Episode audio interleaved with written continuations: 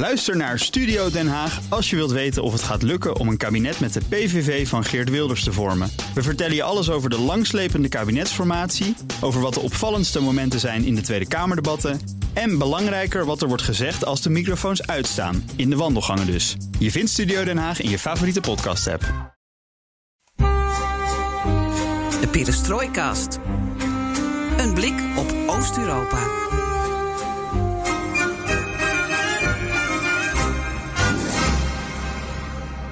Welkom bij BNR Perestroikast, de 41ste reguliere aflevering van de enige podcast van Nederland die volledig oog voor het oosten geeft en heeft. Floris, we zijn weer terug naar een kleine pererief. Zeker, dat deed me goed. Jij ook?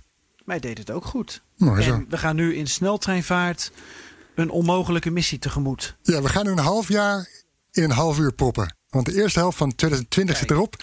En dat was toch wel een krankzinnig half jaar dat enige reflectie behoeft. Ja, hebben we het dan over jouw persoonlijke situatie of kijken we naar de regio? Eh, naar de regio, wat mij betreft. Ik weet niet hoe het met jou zit. Ja. Nou, ik heb drie thema's uitgezocht Mhm. ehm, die we kunnen bespreken. Eh, en dat we dan kijken naar hoe de situatie eh, was aan het begin van het jaar. Eh, dus voor de komst en de aanwezigheid van het coronavirus. Wat er eh, de afgelopen maanden is gebeurd. En vooral hoe hangt de vlag er nu bij? Eh, denk aan de presidentsverkiezingen in Polen. En ik heb begrepen dat jij je blik onder meer gaat richten op Wit-Rusland. Zeker, zeker. Maar we zoomen ook in op het vredesplan voor de Balkan. En op de persvrijheid in Rusland. En natuurlijk, wel of geen corona, de mop van Joost. En je weet het inmiddels, alles ten oosten van de rivier de Elbe kan de komende weken, maanden, jaren in deze podcast worden besproken. En wat leuk is, is dat wij heel sociaal en democratisch zijn... en dat je ideeën kunt inbrengen via Twitter, het Perestrooikast... of mail ons op perestrooikast.bnr.nl. En we doen zeker wat met je ideeën. Mijn naam is Geert-Jan Haan En ik ben Floris Akkerman. en dit is BNR Perestrooikast.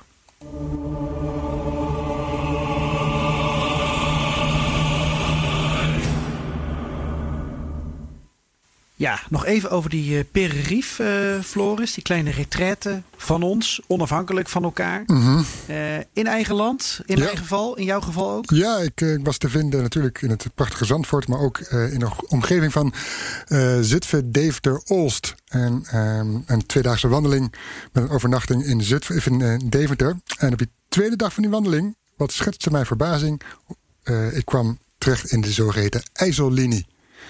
En die de IJssellinie... Koude Oorloglinie. Precies, ja. Nooit geweten dat die hier zo bestond. En dat was inderdaad een linie die eh, opgebouwd was om, om de Russen tegen te houden, of op te vangen of, eh, of terug te slaan. En daar zie je nog. Onder eh, water te zetten. Precies, dat gebeurde ook. En daar zie je nog eh, ja, eh, bunkers van zitten daar onder. de- Dus kun je nog langs de route vinden. Je ziet nog plekken waar afweergeschut stond, eh, waar, ze, waar ze ook onder, onder de grond verbleven. Dus de, de liefhebber van Koude Oorlog, Rusland, geschiedenis, Sovjet-Unie, Amerika, NAVO, die kan zijn, hart, zijn hart op, zijn, zijn, zijn, zijn lol op daar aan de IJssellinie.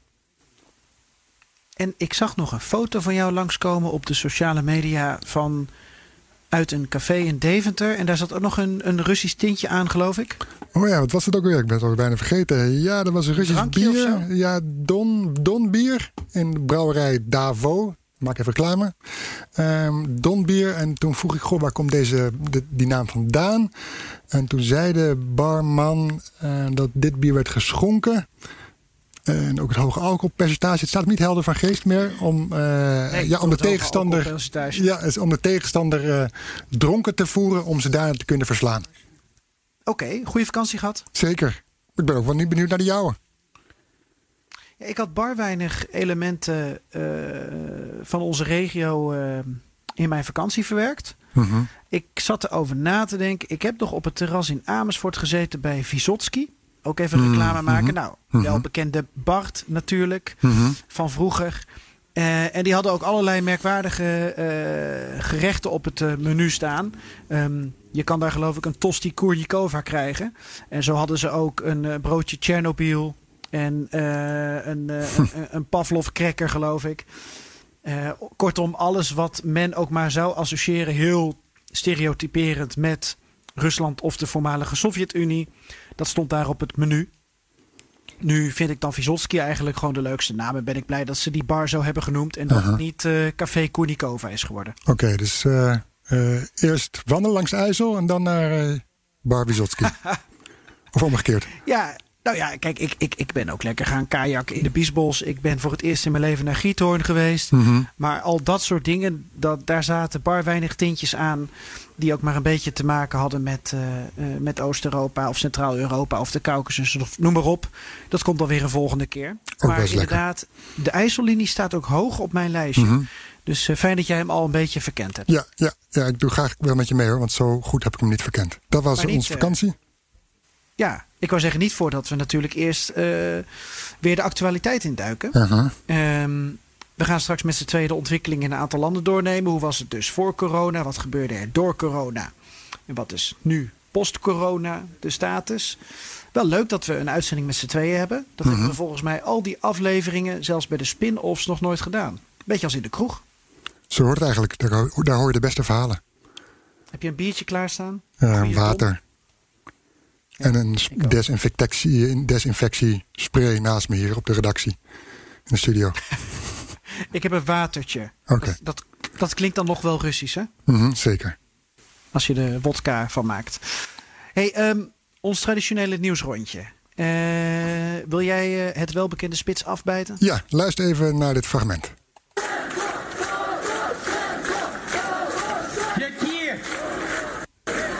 Класні і які ми разом сильні. Чим вони займалися? Вони маринували, думаючи. Ja, dit is, eh, is eh, Oekraïens. ja, precies Petro Poroshenko. Eh Poroshenko. Ehm, Poroshenko, als je het op zijn ja, Oekraïens ja, ja, uitspreekt. precies. Ja, dat Rus zit nog veel in. Die ehm, spreekt hier zijn aanhang toe. Want Poroshenko eh, moet eh, de laatste tijd voorkomen in allerlei rechtszaken of allerlei zaken. Hij wordt vervolgd eh, voor eh, vermeend machtsmisbruik tijdens zijn presidentschap. En ehm, ja, hier hangt toch ook wel een, een soort van wolk omheen dat hier Zelensky achter zit. Althans, die wil graag afrekenen. Die heeft niet zo Poroshenko. Dus die wil graag afrekenen met die, eh, met die oude garde. En, eh, maar Poroshenko grijpt dit soort momenten, als hij eh, de rechtbank verlaat, aan om toch zijn aanhang toe te spreken, die dan ook die kant op komt om hem te steunen. Dus opnieuw zie je hier eigenlijk een soort van herhaling van zetten. Wat je eerder zag tussen Janukovic en Timoshenko. Zie je hier natuurlijk nu dat een huidige politicus eh, probeert te afrekenen met zijn voorganger. Zelensky met eh, Poroshenko, die nu parlementslid is trouwens. Dus wat dat betreft is, eh, probeert Zelensky eh, nieuwe politiek te voeren. Zoals hij dat heeft beloofd. Eh, einde aan de corruptie, einde aan die oude kliek, anti-establishment.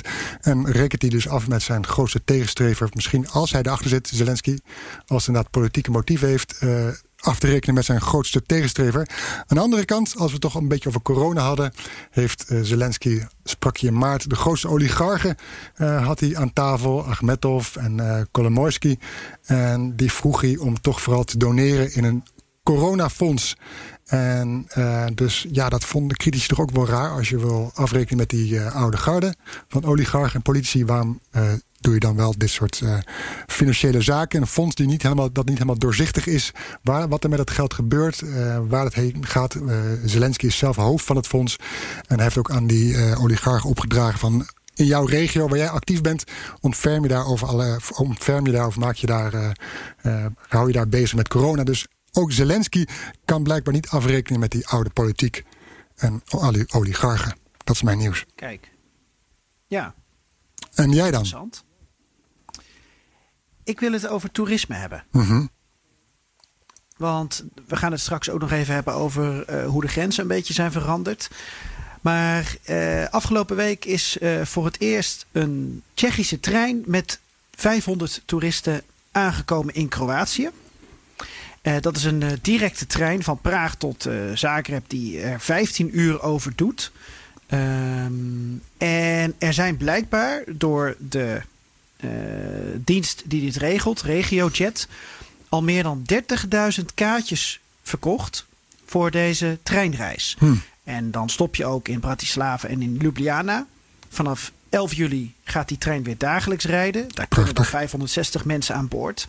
Het kost uh, weinig, 25 euro omgerekend, denk ik, vanuit uh, zo'n 600 kronen. Dus dat is uh, peanuts.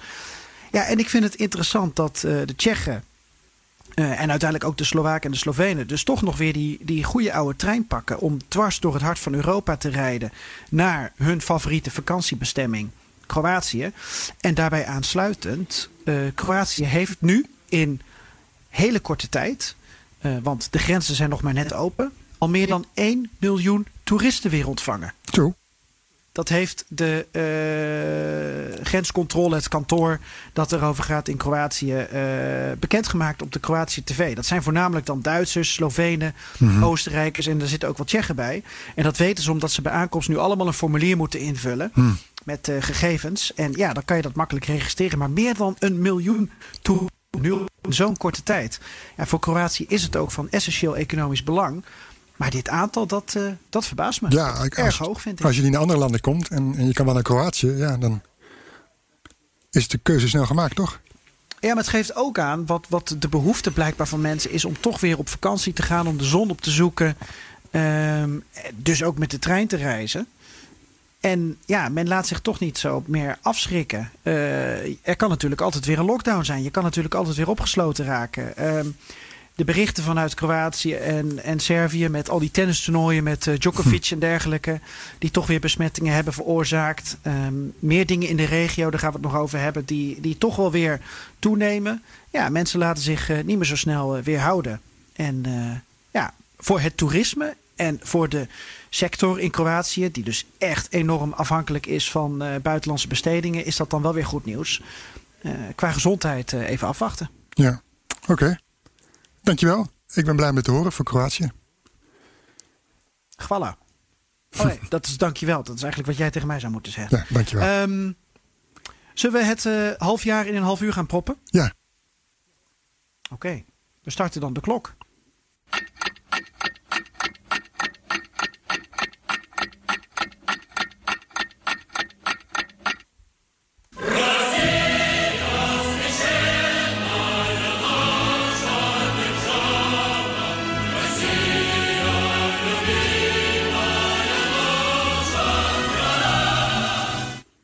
Ja, het Russische. Ja, mm -hmm.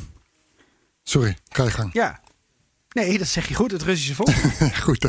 Het zit er, nou, zit er nou in.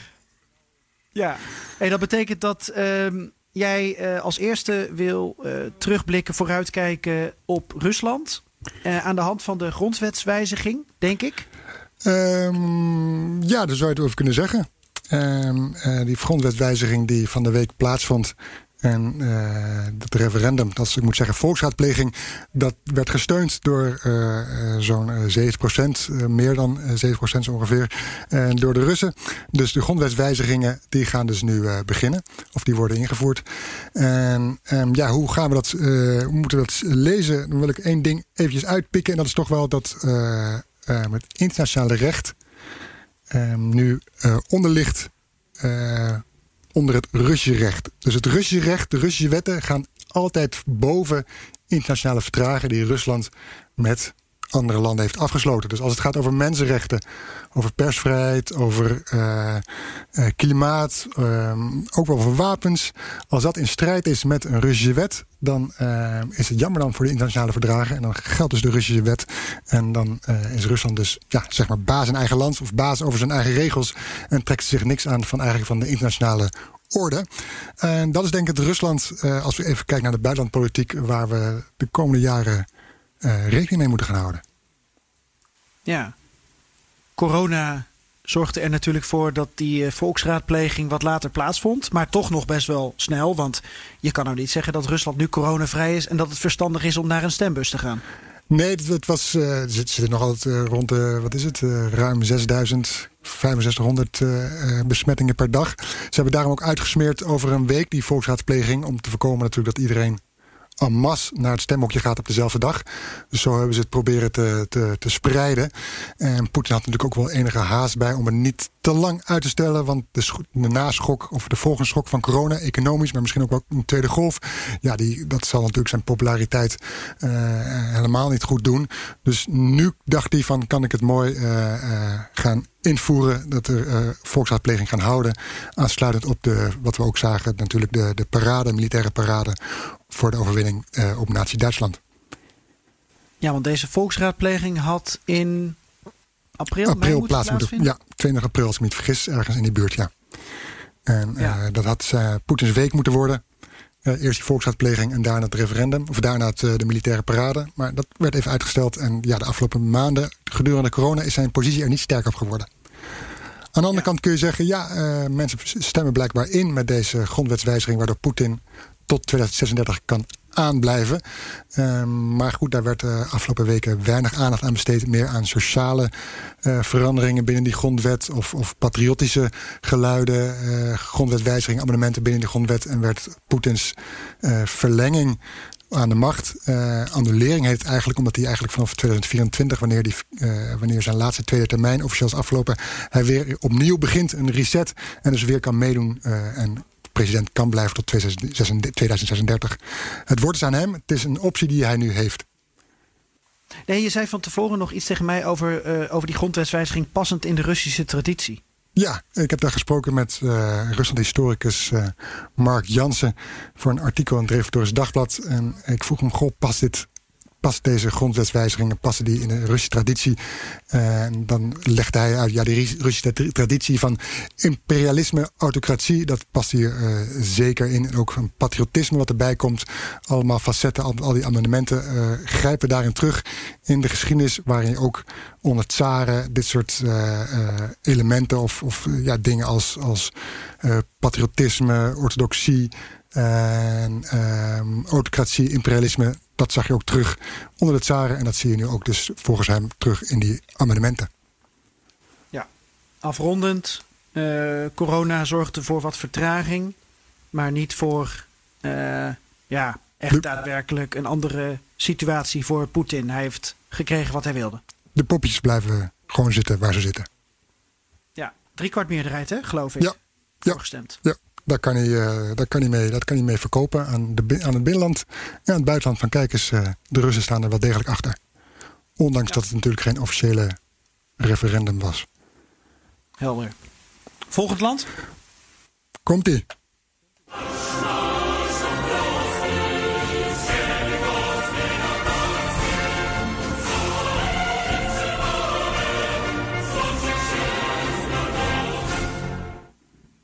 Ja, dat is Polen. En daar was er ook heel wat aan de hand met verkiezingen.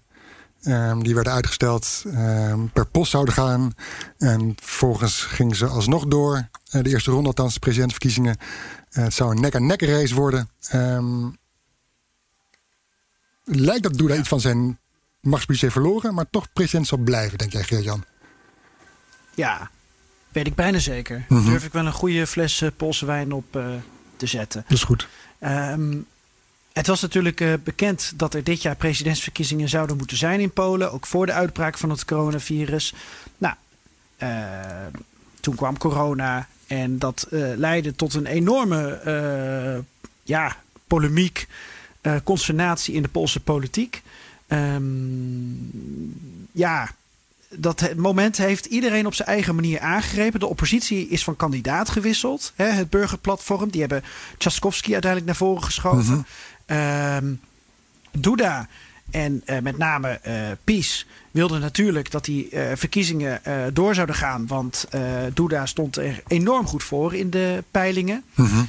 um, en het is natuurlijk belangrijk om de president in Polen achter je te krijgen. Je hebt natuurlijk het de Seem, het parlement, uh, grotendeels in handen van PiS met uh, steun van twee kleine partijtjes. Mm -hmm. je hebt de Senaat, die is dan weer wat meer in handen van de oppositie. En de president met bepaalde veto-functies. Ja, is natuurlijk handig als je die achter je hebt staan voor bijvoorbeeld buitenlandbeleid of voor enkele juridische zaken. Ja, en men dacht in april, in mei, uh, corona, dat is balen. Maar uh, we willen eigenlijk doorgaan met die verkiezingen. Want uh, Duda staat er heel goed voor. Die is heel zichtbaar. Mm -hmm.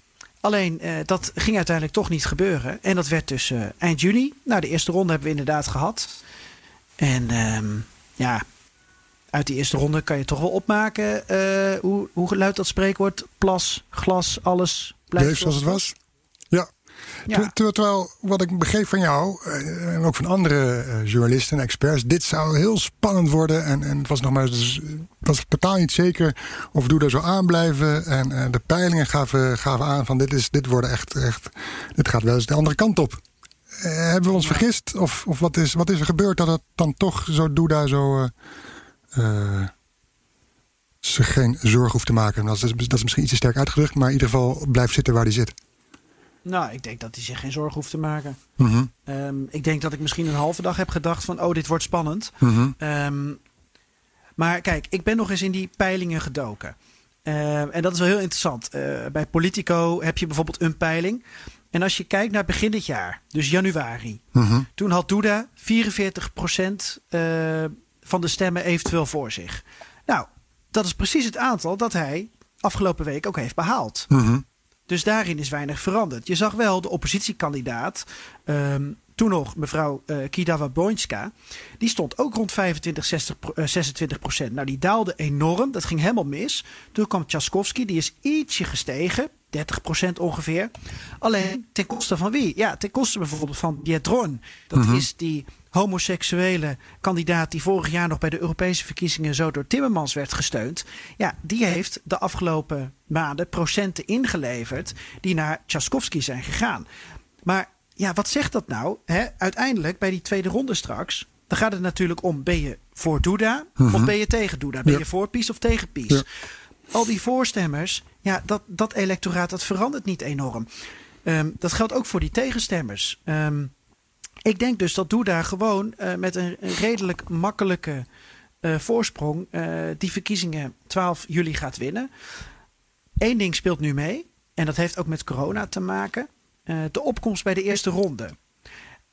Wat opviel was dat er betrekkelijk weinig ouderen waren opkomen dagen. Dat kan met corona te maken hebben, dat kan met het hete weer te maken hebben. En nu zie je dat de eh, kopstukken van PiS, bijvoorbeeld eh Morawiecki, die zijn enorm aan het lobbyen. Die zeggen van, ah beste ouderen, kom naar buiten, ga stemmen. Kom ook bij elkaar in groepsvorm. Laat je zien. Natuurlijk goed voor de plaatjes, voor de camera's. Omdat andere mensen die dan naar de tv kijken, die denken van, oh niks aan de hand met corona. We zien geen mondkapjes meer, we zien ouderen bij elkaar. Het is veilig, we kunnen gaan stemmen. En dat is natuurlijk ehm, de enige onzekerheid misschien wel voor PiS op dit moment. De ouderen, die natuurlijk vooral op de hand zijn van PiS. Zo is duidelijk geworden bij de stemmingen voorheen. Die moeten naar de stembus gaan. Dat electoraat is belangrijk voor Duda.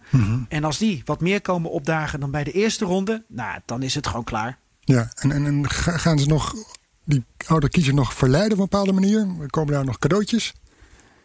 Nee, nou ja, god, een paar kleine cadeautjes. Maar eh, eh, niet veel meer dan voorheen. Eh, ze willen gewoon een beeld creëren dat het veilig is. En er is natuurlijk een enorme ja, eh, lastencampagne bijna gaande tegen Tchaskovsky, de eh, burgemeester van Warschau. Die bijvoorbeeld voor het homohuwelijk is. Hij is overigens gewoon van de centrumrechtse partij. Hè?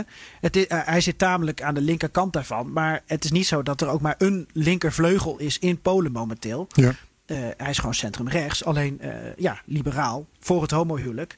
En dat zijn dingen die PiS natuurlijk aangrijpt om hem daarop te pakken. Mhm. En ja, de conservatieven en de conservatieve ouderen, ja, die zullen eh, dan eerder voor PiS eh, gaan bij deze nek-en-nek race. En nek-en-nek, ja, kan ik beter zeggen tête-à-tête. Want het is de een tegen de ander, maar nek en nek, dat zal het niet worden. Daar geloof ik niet in. Oké. En dan hou ik me daaraan vast, als jij dat zegt. Ja, reken me er eh, na 12 juli maar op af. Is goed, doe ik. Gaan we naar een buurland van Polen.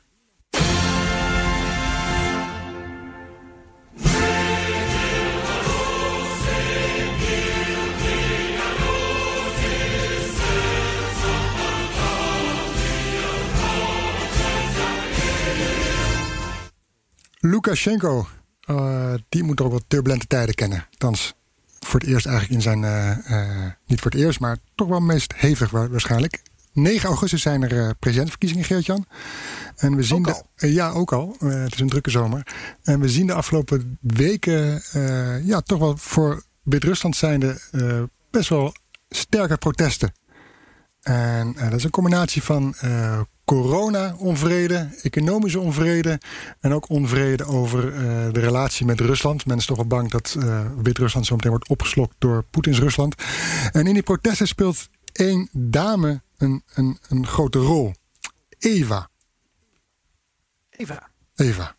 En Eva is een schilderij van Chaim Soutine, als ik het goed uitspreek. En uh, dat is een schilderij van een dame uh, zwart gekleed. Ze kijkt wat nors, wat zagrijnig. En die hing in een uh, galerij, of een, tentoonstelling van een, uh, een kunstcentrum Art Belarus. En dat schilderij van die Eva, dat schilderij Eva, ehm, was in bezit van de Belgazprom Bank collectie. Een bank voorheen geleid door Victor Barbarico. En dat is nu de presidentskandidaat die zit nu in de bak. En dat schilderij, eh, concurrent dus van uh, Lukashenko, een, een, een, man met, dus wel met, met potentie, als je een bank hebt geleid. Um, en dat schilderij is uh, meegenomen door de Russische autoriteiten uit dat museum, uit dat kunstcentrum Art Belarus. Samen met ook werk van onder andere Marc Chagall. Want is de, is de argumentatie om dat in beslag te nemen. Uh, Babirenko, althans in ieder geval de bank, uh, wordt verdacht van allerlei uh, witwassen en belastingontduiking. En als tegenmaatregel zijn dus die schilderijen uh, meegenomen. En dat EVA, dat is momenteel het duurste schilderij van Wit-Rusland. En de, de oppositie loopt daarmee rond. Heeft allemaal afbeeldingen gemaakt, ook op variaties op internet. Bijvoorbeeld, we zien Eva in, in gevangeniskledij. We zien Eva met een middelvinger op. We zien Eva achter tralies. Dus Eva is momenteel een symbool van die protesten van de oppositie om, uh, ja, uh, om Lukashenko te dwarsbomen. Zometeen in 6, op 9 augustus de presidentsverkiezingen te winnen. Ja, maar dan is de vraag natuurlijk of Eva zorgt voor ja, een doorbraak. Of ook, ja, ondanks Eva glas plas was. Ja, kijk, je ziet elk jaar, elke keer als er presidentsverkiezingen zijn in Wit-Rusland, dan zie je in de aanloop daar naartoe altijd inderdaad protesten. En die worden ook altijd dan, uh, en ook tijdens de verkiezingen of de dag erna zie je protesten. Ja, die worden altijd bruut neergeslagen. Dat is nu ook gebeurd. Hè. Mensen zijn opgepakt, gearresteerd. Uh, en, uh, dus ja, dat lijkt een herhaling van zetten. Een soort kat-en-muisspel waarbij de kat Lukashenko uh, gaat winnen. Het enige is dat um, ja, die, die protesten nu wel wat sterker zijn dan we bij vorige presidentsverkiezingen hebben gezien. En uh, dus ja, dat zou misschien kunnen duiden dat er misschien toch wat meer aan de hand is uh, dan in voorgaande jaren. Maar lastig te voorspellen. Denk jij ook dat uh, Lukashenko's coronabeleid daar een rol in speelt? Omdat de oppositie dan natuurlijk kan aangrijpen om aan te geven van hé. Hey, Beste mensen, we leven in een dictatoriaal land met een man die denkt dat in een ijshockeyhal geen virus zijn weg kan vinden. Ja, dat, dat speelt zeker mee dat Lukashenko zo, lang, uh, ja, zo nonchalant ermee omging. Hè. Vodka moet je drinken, je moet, om, tegen het virus uh, tegenop te boksen. Je moet naar de sauna. En terwijl andere, al, andere landen allemaal stevige maatregelen namen... ja, wuifde Lukashenko het eigenlijk weg. Hoewel er ook wel degelijk in, in Wit-Rusland maatregelen werden genomen. maar hij toonde zich niet iemand die de verantwoordelijkheid. Om corona te bestrijden. En ja, dat die, die, die nonchalante houding dat wordt hem zeker uh, niet in dank afgenomen door een deel van de bevolking. Okay. En dus heeft corona wat dat betreft, het lijkt ook een beetje een samenspel wat ik al zei van corona, de situatie, de, de verhouding met Rusland en de economie. Ja, lijkt nu de positie van Lukashenko meer onder druk te hebben gezet, uh, te zetten dan we in de afgelopen jaren hebben gezien. Ja, maar ja, ik heb nog één vraag. Mm -hmm. Is dat niet net als in Polen uh, dat uh, de oppositie en misschien ook de westerse media en de westerse activisten en de westerse politici heel erg hopen dat er natuurlijk iemand anders aan de macht komt. En dat, uh, hoe, hoe luidt dat ook weer? De wens, de vader van de gedachte is. Mm -hmm, en dat je mm -hmm. dus eigenlijk een beetje vergeet hoe klein de kans is dat er iets verandert. Nee, natuurlijk. Je moet ook beseffen dat, dat uh, de, kans is niet klein. Of niet groot dat er iets verandert. Het kan altijd gebeuren natuurlijk. Aan iedereen, aan alles komt een eind. Ook aan, aan, aan autoritaire dictators. Uh, autoritaire leiders en dictators. Dus ik, ik heb ook niet het idee dat hiermee meteen Lukashenko... Uh, zijn spullen moet gaan pakken hoor. Maar ja. Snor moet drukken. Precies ja. Maar goed, als we kijken naar. Het, het kan snel gaan. Als je bijvoorbeeld kijkt naar protesten in uh, de revolutie in Maidan 2013, 2014. En er gaat een poll rond. Uh, er zou sprake zijn dat Lukashenko nog maar op 3% van de bevolking steun kan rekenen. Of het waar is, weet ik niet. Maar ja, we, gaan, we, we, we zullen het zien. Nou, dat was wel een, een, een, een spannend uh, einde. Spannende cliffhanger. Nou hè, heel origineel. Lekker goede tijden, slechte tijden wel. Enfin, ik ben heel benieuwd eigenlijk al een tijdje. En ik hoop dat je me er alles over kan vertellen, Geert-Jan. Naar ehm, de kwestie Kosovo en gerom op de Balkan. Eerst even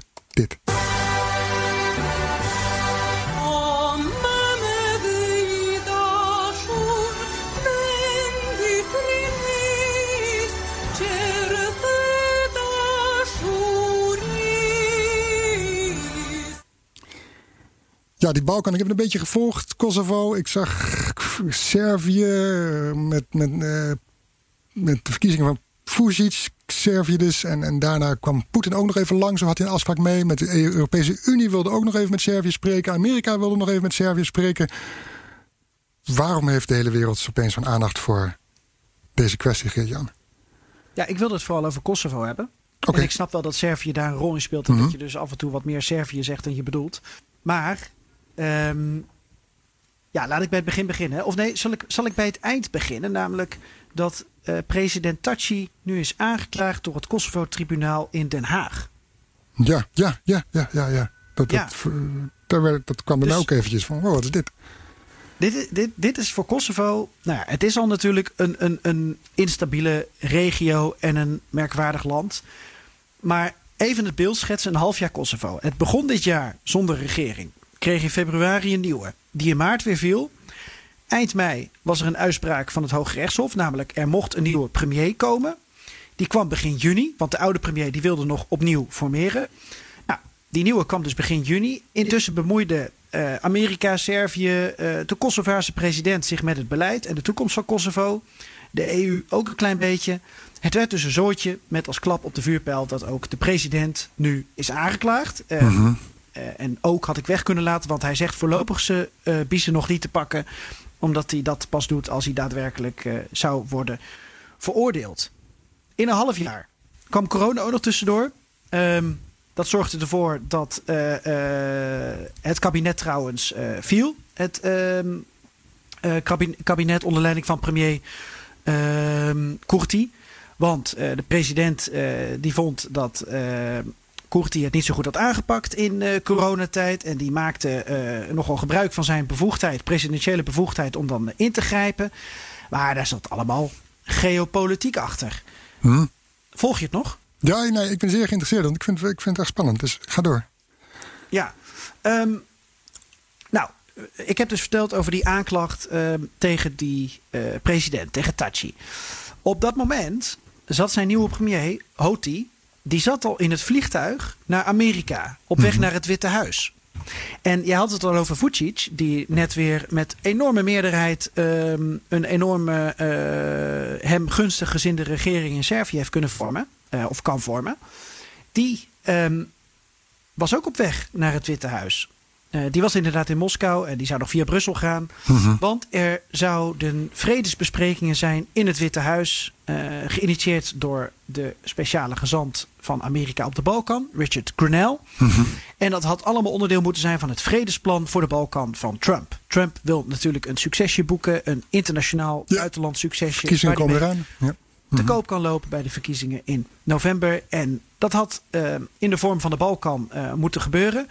Achter de schermen, en ook voor de schermen trouwens, hebben Taci en Vucic uh, al jarenlang, ik denk drie, vier jaar lang, gewerkt aan dit plan. Om de relatie Servië-Kosovo op een bepaalde manier te verbeteren. een manier waar ook Amerika onder Trump achter staat. Namelijk onder, de, on, onder andere met het uitruilen van land. Dus een stukje Kosovo naar Servië en een stukje Servië naar Kosovo. Maar ja, tot afgrijzen van Angela Merkel, tot afgrijzen van uh, Brussel. Uh, ook tot afgrijzen van uh, voormalig premier Kurti, die dus het veld heeft moeten ruimen. En ja, het leek dus alsof er weer, um, hoe zeg je dat ook alweer, een lont in het kruidvat zou komen uh, op de Balkan. want ja, het verschuiven van landsgrenzen, dat is een enorm gevoelig onderwerp natuurlijk. Ja. En dat is dus nu last minute voorkomen door de strafpleiter in Den Haag. Want Tachi is dus aangeklaagd. En dat zorgde ervoor dat uh, en Trump zeiden van nou, um, Uh, beste Tachi en met name jouw premier Hoti. Uh, we verwelkomen we je toch even niet, want dit staat nou niet heel erg goed hè, qua ehm, beeld. Een, een, een, man die door een straftribunaal in Den Haag wordt aangeklaagd. Ehm, nou, ik hoef even niet namens hem zaken te doen bij mij thuis. Ze hopen natuurlijk dat het anders wordt, dat het recht trekt. Maar dit is toch een bizar einde van het eerste halfjaar van 2020 voor, voor Kosovo. Ja. Ja, en vooral die bemoeienis van al die landen, dat, dat, dat, ja, lijkt me als Kosovaar lijkt me frustrerend. Ja, hoewel, ja, wat is de Kosovaar? Uh, er zijn mensen in Kosovo die heel erg pro-Amerikaans zijn. Dat zijn er heel veel trouwens. Alleen, ja, dit gaat hen ook wel te ver. En dan kan je zeggen, we hebben onze hoop gevestigd op Brussel. Maar Brussel is eigenlijk een beetje aan de zijlijn gezet... door, uh, door dit 1-2'tje tussen Vucic en uh, Taci. Mhm. En wat ook meespeelt de, de man die in de Europese Unie gaat over Kosovo, dat is Lajčák. Dat is een Slovaak. Slowakije erkent Kosovo niet als een van de vijf EU-landen. Een ander EU-land is Spanje. Hè, want die doen dat niet, want die zijn bang voor een president, afscheiding Catalonië. En de buitenlandschef van Spanje is, uh, van de EU is Borrell. En die is heel erg anti-Kosovo. En dus zijn die plekken in Brussel nou ook niet ingevuld mm -hmm. door mensen die um, door Kosovo en Pristina nou echt met warme. Uh, met open armen worden ontvangen. Want ja, die hebben toch ook wel de schijn tegen. Ja, Merkel frustreert dat, Frankrijk frustreert dat. Alleen het is gegaan zoals het is gegaan. En ik ben heel benieuwd hoeveel premiers en presidenten Kosovo het tweede halfjaar van 2020 gaat krijgen.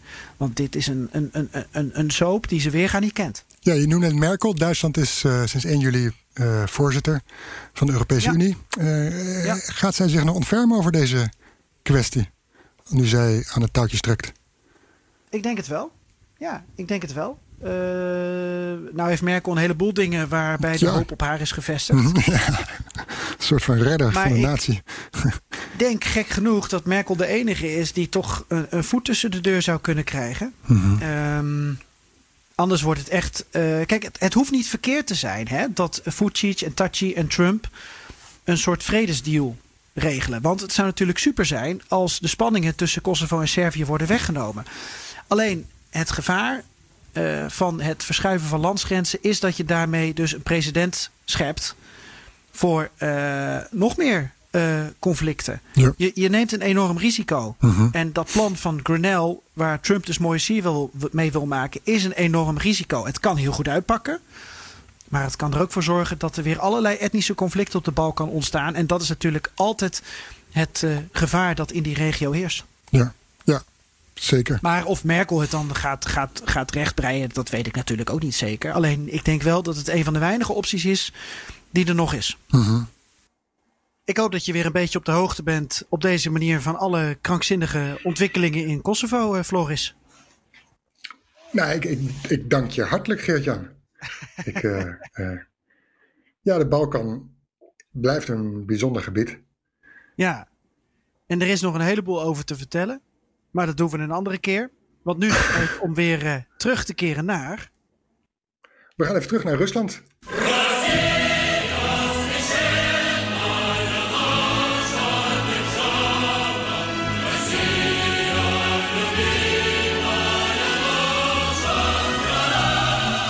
Zo maken we een soort van cirkel. Uh, we beginnen met Rusland tussendoor, uh, Wit-Rusland en nu dus weer naar Moskou.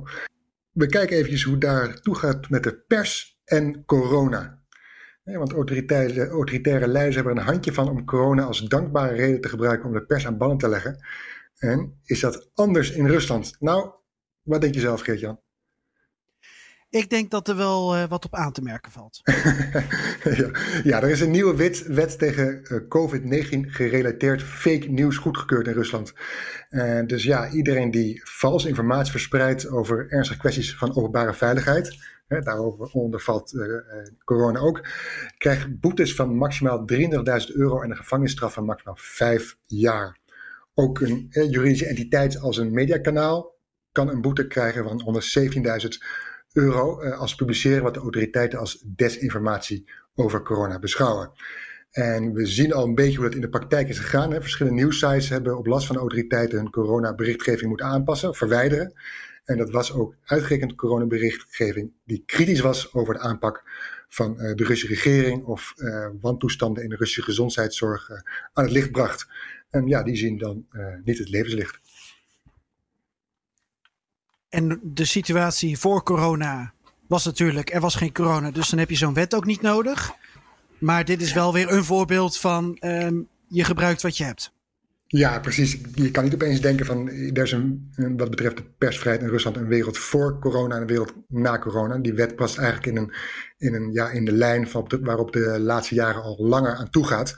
Um, voorbeeld wat ik, dat ik al eerder noemde was Vedamasti, waar we een keer over hebben gehad. Hè, die zakenkrant die helemaal onttakeld wordt eigenlijk. Um, uh, en zijn onafhankelijkheid is aan het verliezen na het aantreden van een nieuwe hoofdredacteur. Vanwege een op handen zijnde overname. Uh, je zag al dat kritische artikelen over Rasneft, het oliebedrijf van een van Ruslands machtigste mensen, Igor Sechin, en een van Poetins beste maatjes. Uh, die bleek opeens dat soort artikelen bleken in Vedamasti uit den boze. Uh, dat zou er ook op wijzen dat Rasneft een, een, hand heeft in de aanstelling van die nieuwe hoofdredacteur Andrei Shmarov die volgens de redactie de balverstand heeft van onafhankelijke journalistiek.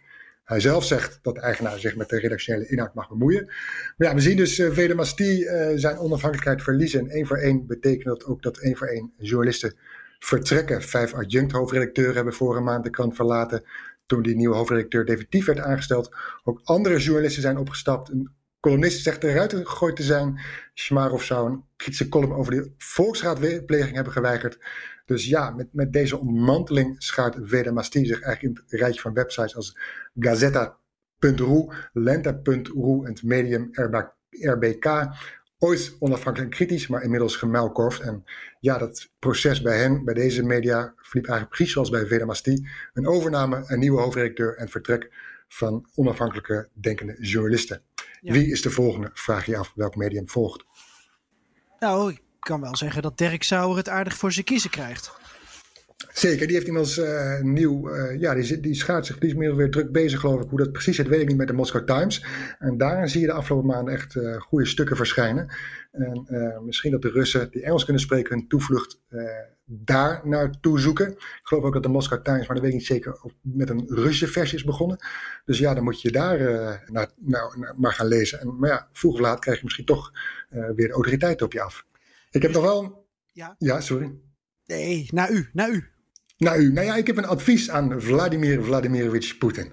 Daarbij. Daarbij. En mijn advies luidt aan hem: laat de onafhankelijke media met rust. Anders weet je nooit wat er daadwerkelijk speelt in je land en kom je nog eens voor onaangename verrassingen te staan. Hij verliest een voelsprieten met de maatschappij en hij zit waarschijnlijk al in zo'n kooi daar in het Kremlin, in de muren. En ja, als je dan ook niet meer nog niet eens andere geluiden hoort, ja, dan weet je ook niet wat er eigenlijk daadwerkelijk in je land speelt. En dat heb je toch nodig, of je nou democraat bent, autoritaire leider of een dictatuur. Uh, je moet toch weten wat er uh, onder de bevolking leeft. Ja, mooi advies. Mag ik uh, één opmerking à la advocaat, advocaat van de duivel plaatsen? natuurlijk. Want um, de persvrijheid gedurende coronatijd in Rusland. Nou, mm -hmm. die werd dus weer een beetje aan banden gelegd. Die, die werd weer strakker beteugeld. Nu weet ik dat, uh, daar moeten we eerlijk over zijn, Rusland lang niet het enige land is in onze regio waar op deze manier uh, gebruik is gemaakt als het ware van, het, uh, van de coronacrisis om, om de media wat aan banden te leggen. Mm -hmm. Er waren natuurlijk ook ehm, wetten zelfs in, in Hongarije voor nodig. maar je hebt ook incidenten in Bulgarije, Roemenië, Servië, uh, Moldavië. Dus ik snap jouw advies.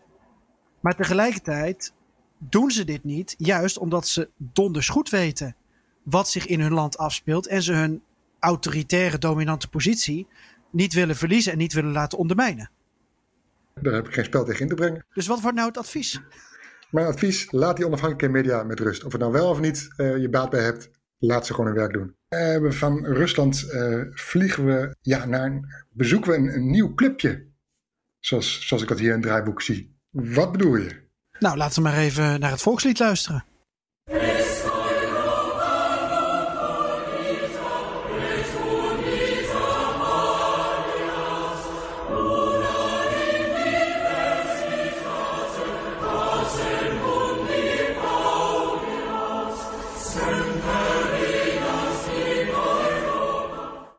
Club met Europees Unische banden.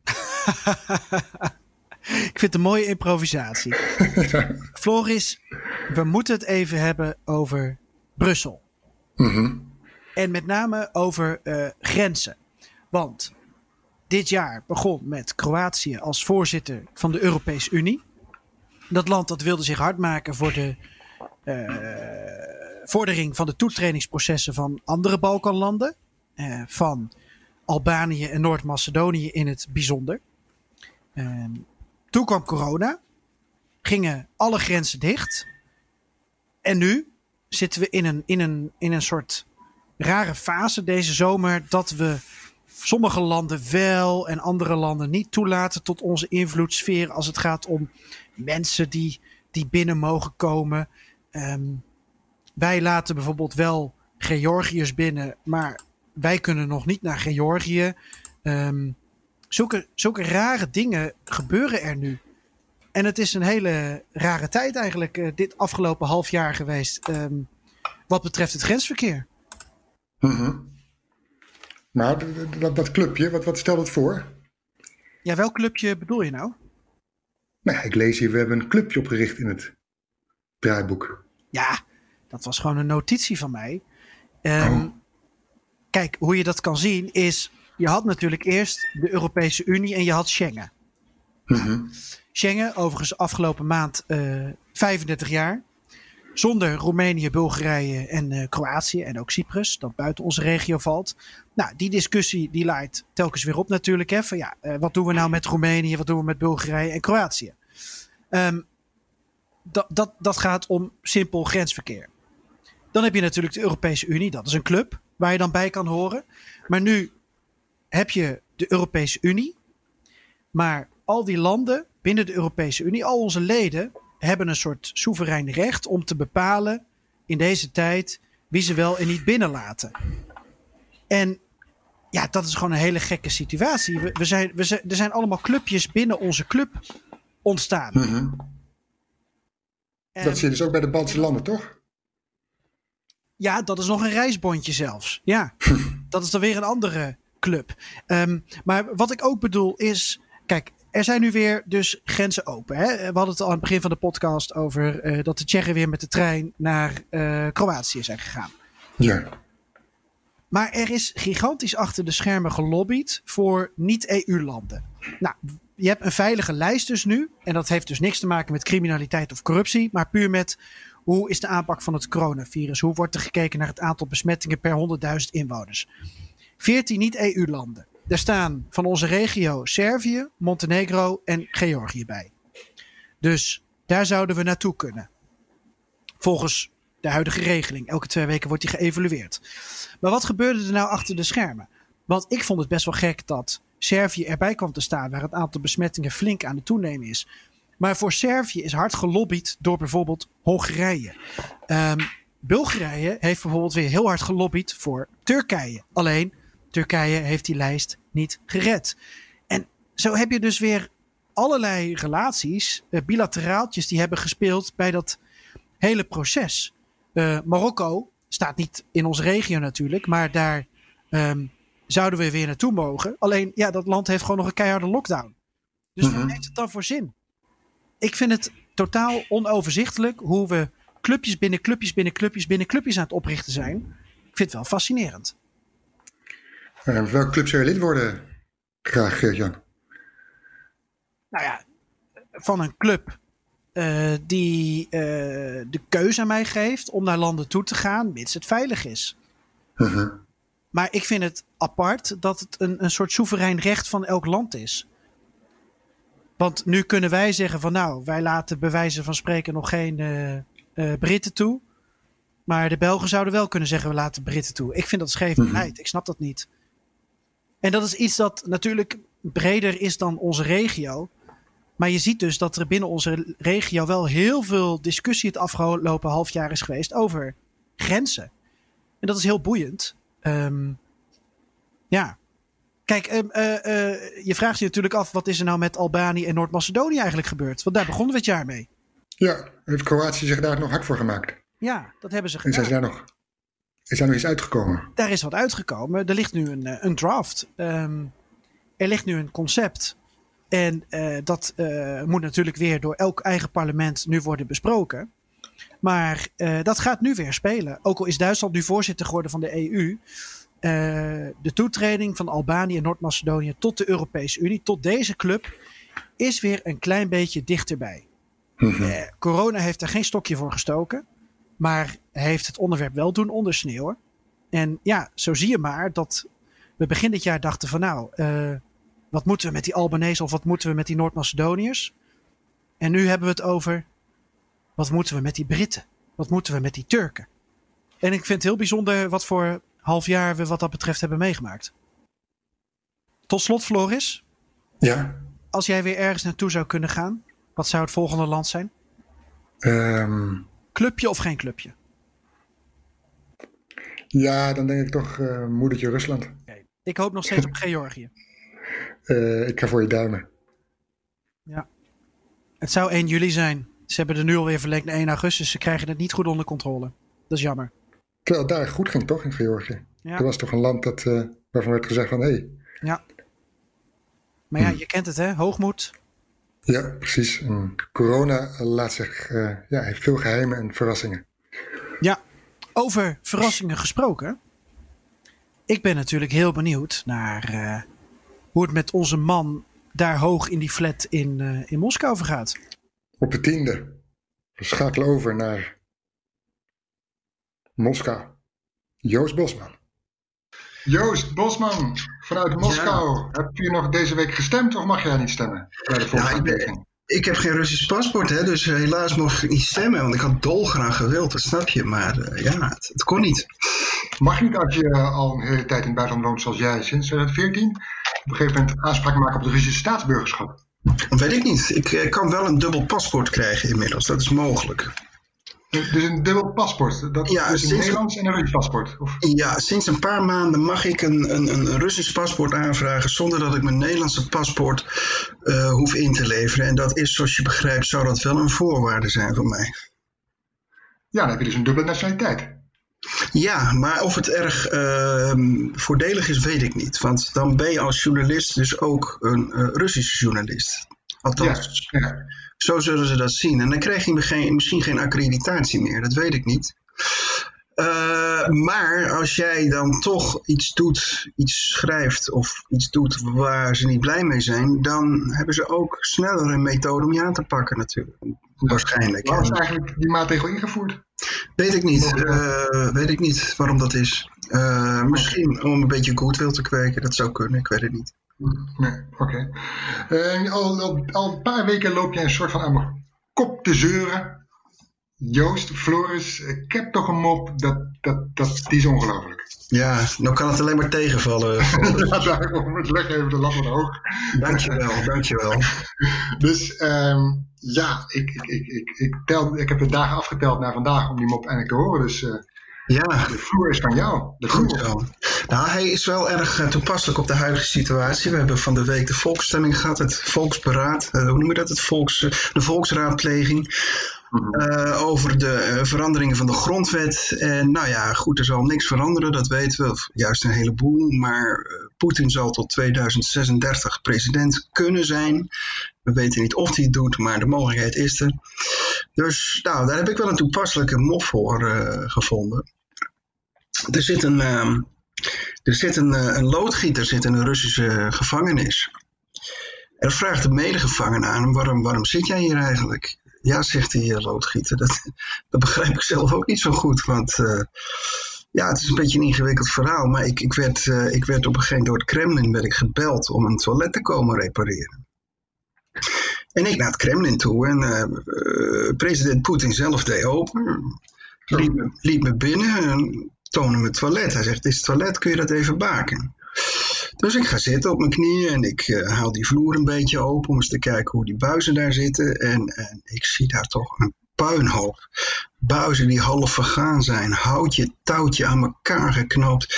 En ik graaf nog eens verder en het wordt erger en erger en erger. En zegt die vlootgieter, ik, ik, ik ga terug naar Poetin. En ik zeg, nou, uh, Vladimir Vladimirovich, maar dit, dit, dit kan zo niet. We moeten het hele systeem veranderen. En ineens zat ik hier in de gevangenis. ja, ja, deze snap ik wel. Heel blij. mooi, mooi. Eindelijk, het is me gelukt. Een mop te Nu ga ik vertellen. hem proberen onthouden. Ja, je hebt, je hebt mijn lat bereikt. je, hebt het lage, je hebt mijn lage niveau bereikt. Ja, nou nee, het is, het is nog niet eens een, een, een, een hele, hele, hele domme mop eigenlijk. Maar goed. eh, Oké. Dus aan eh, een schouderklopje voor jezelf, Floris. Yes, en eh, het was het wachten waard op deze mop. Je hebt, Goed zo. je, hebt je woorden waargemaakt. Dankjewel. En dan horen we je graag de volgende keer weer. Zeker weten, zeker weten. Zet hem op daar in Moskou. hè. Dankjewel, jij daar. Joe. Pakka, Ja. pakka. Pakka, pakka. моя, в саду ягода, малинка, малинка моя.